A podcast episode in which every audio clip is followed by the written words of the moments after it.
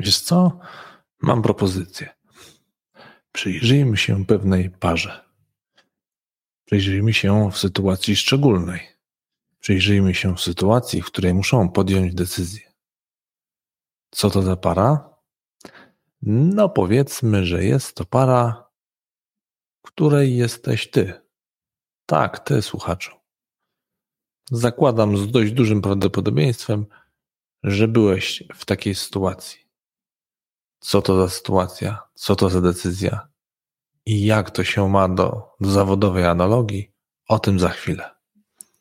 Ja nazywam się Konrad Gorzelak i przez chwil parę będę głosem w Twojej głowie.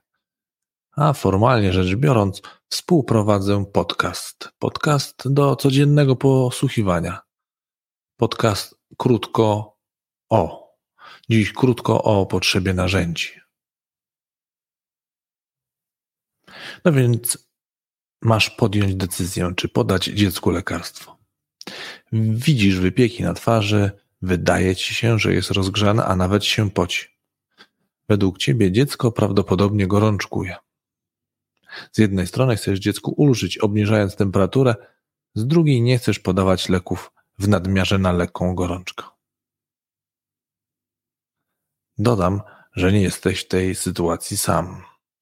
Jest z tobą ta druga połowa, ta druga, która jest niezbędna, aby ów mały przedstawiciel Homo sapiens w ogóle się na świecie pojawił. Znana sytuacja? Myślę, że znana.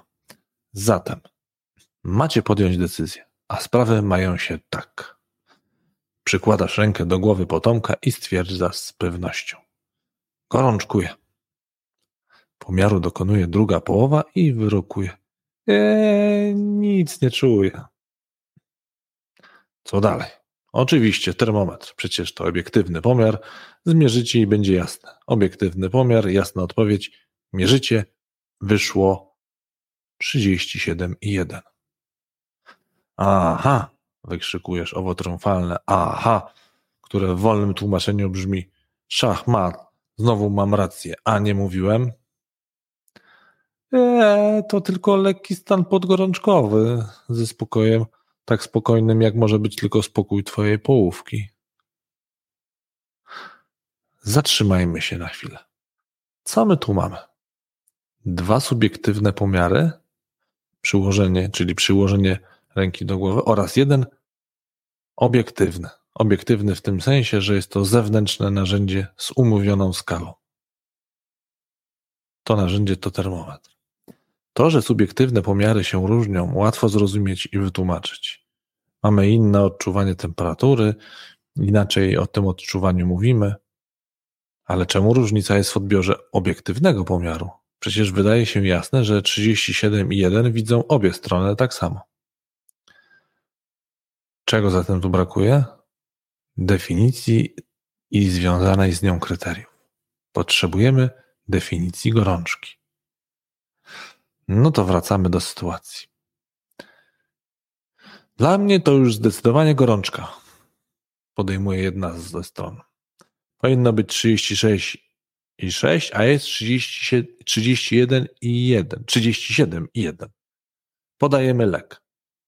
Zawsze w sytuacji, takiej sytuacji ja brałem lek obniżający temperaturę i mi pomagało. W dodatku rzadziej chorowałem, bo dusiłem chorobę w zarodku. Ale po co? Przecież to ledwie 37,1. W takiej sytuacji wystarczy poczekać i samo przejdzie, bez paniki.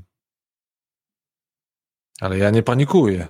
Udajesz, że mówisz spokojnie, chodź do spokoju, jest już daleko. Coraz dalej. Patrz, podtykasz pod nos połówki, nos swojego podtykasz swojego smartfona. Przecież tu masz napisane 37,1 to już gorączka.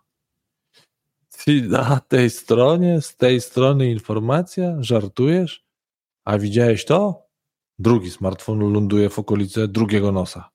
Stoi jak byk, że 37,1 to stan lekko podgorączkowy.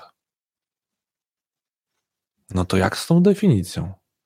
Dlaczego przeczytali dwie różne definicje? Na pewno tego nie wiemy, ale możemy przypuszczać, że pobrali owe definicje z dwóch różnych źródeł.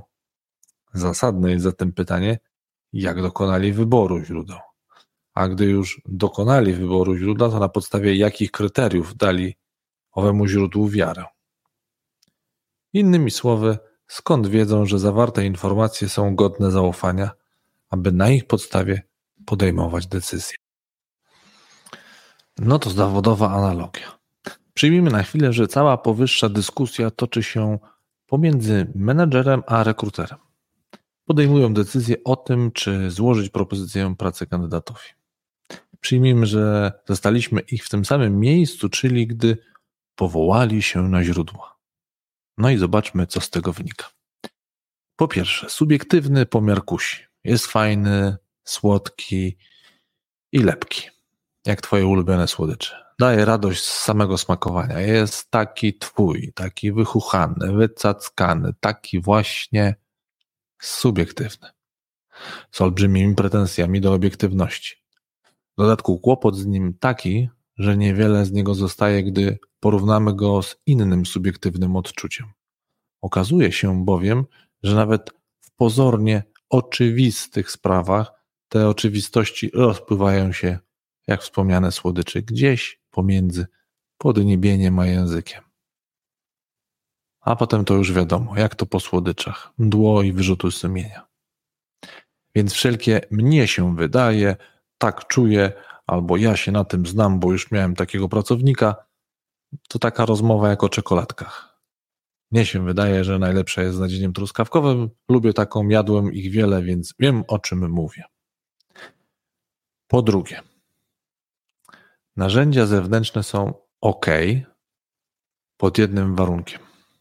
Zanim je użyjesz, zdefiniuj, co dla ciebie jest owym ok, a to oznacza, że w rekrutacji, zanim zadasz pytanie, określ, ile i jakie punkty, czyli tak zwana waga punktów, jaką przyznasz za odpowiedź. Dlaczego? Dlatego, że może się okazać, że nawet jak dostaniesz tak precyzyjną odpowiedź, jak dostała nasza para powyższej historii, czyli 37,1, to wciąż nie będzie jasności, czy to jest ok, czy nie ok, czy to podawać lek, czy nie podawać. Nawet wtedy, nawet wtedy, gdy już posiadasz precyzyjny pomiar, a jest on wciąż jednorazowy, to może nie być wystarczający i wieść na decyzyjne manowce. Przykładzie z gorączką oznaczałoby to dodatkowe pomiary w odstępach czasu, na przykład kolejne trzy pomiary co 10 minut.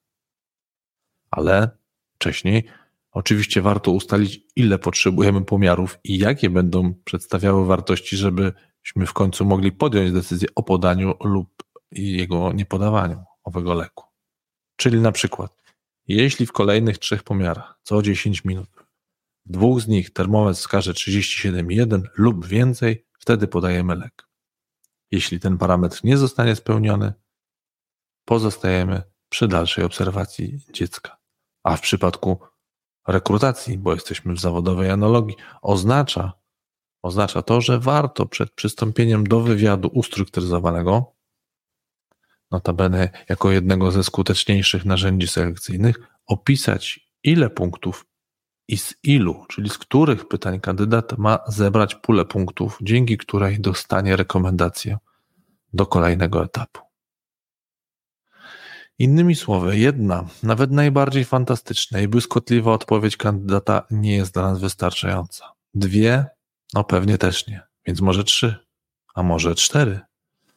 To są pytania, na które potrzebujemy znać odpowiedź wcześniej, zanim zaistnieje, zaistnieje zjawisko. Musimy wiedzieć, co zrobić, gdy w trzech pomiarach z rzędu wciąż będzie 37,1. I na koniec, trzeci warunek i rzecz najtrudniejsza. Napracować się przy tym trzeba, pomyśleć, podumać. Moim zdaniem warto. Bo i spór może nawet trzeba jakiś stoczyć, bo sprawy to oczywiste nie są. Co to za robota? Ano robotę w źródłach trzeba wykonać. Czyli po pierwsze ustalić, które źródła są dla nas miarodajne. No a tu wiadomo, oferta, tak zwana oferta przebogata i pogubić się można. Nie przymierzając jak brzdąc w sklepie z żelkami.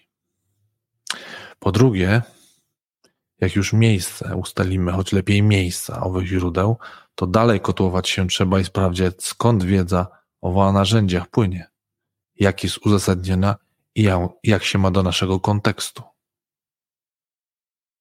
Ale dodam, że robotę można sobie, ową robotę można nieco usprawnić. Jak?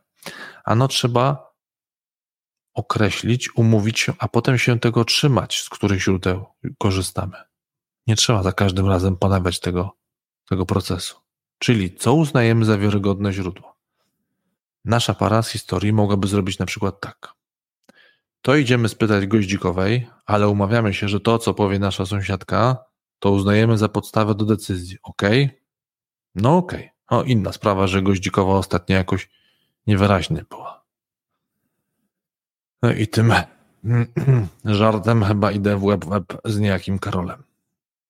No dobrze, ale zawodowo natomiast to może oznaczać, że umawiamy się, że źródeł i danych potrzebnych do decyzji będziemy szukać w naukowych periodykach dotyczących zarządzaniem lub psychologią organizacji. Jeśli tam znajdziemy wskazówkę, to uwzględniamy ją przy decyzji. Przy decyzji.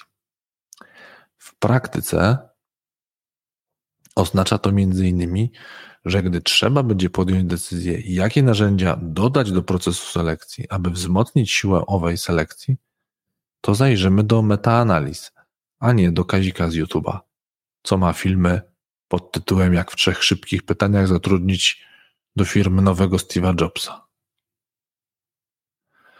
I to wszystko po to, żeby wiedzieć, czy 37,1 to już gorączka. Bo to gorączka, co nie? Także ten. Do usłyszenia.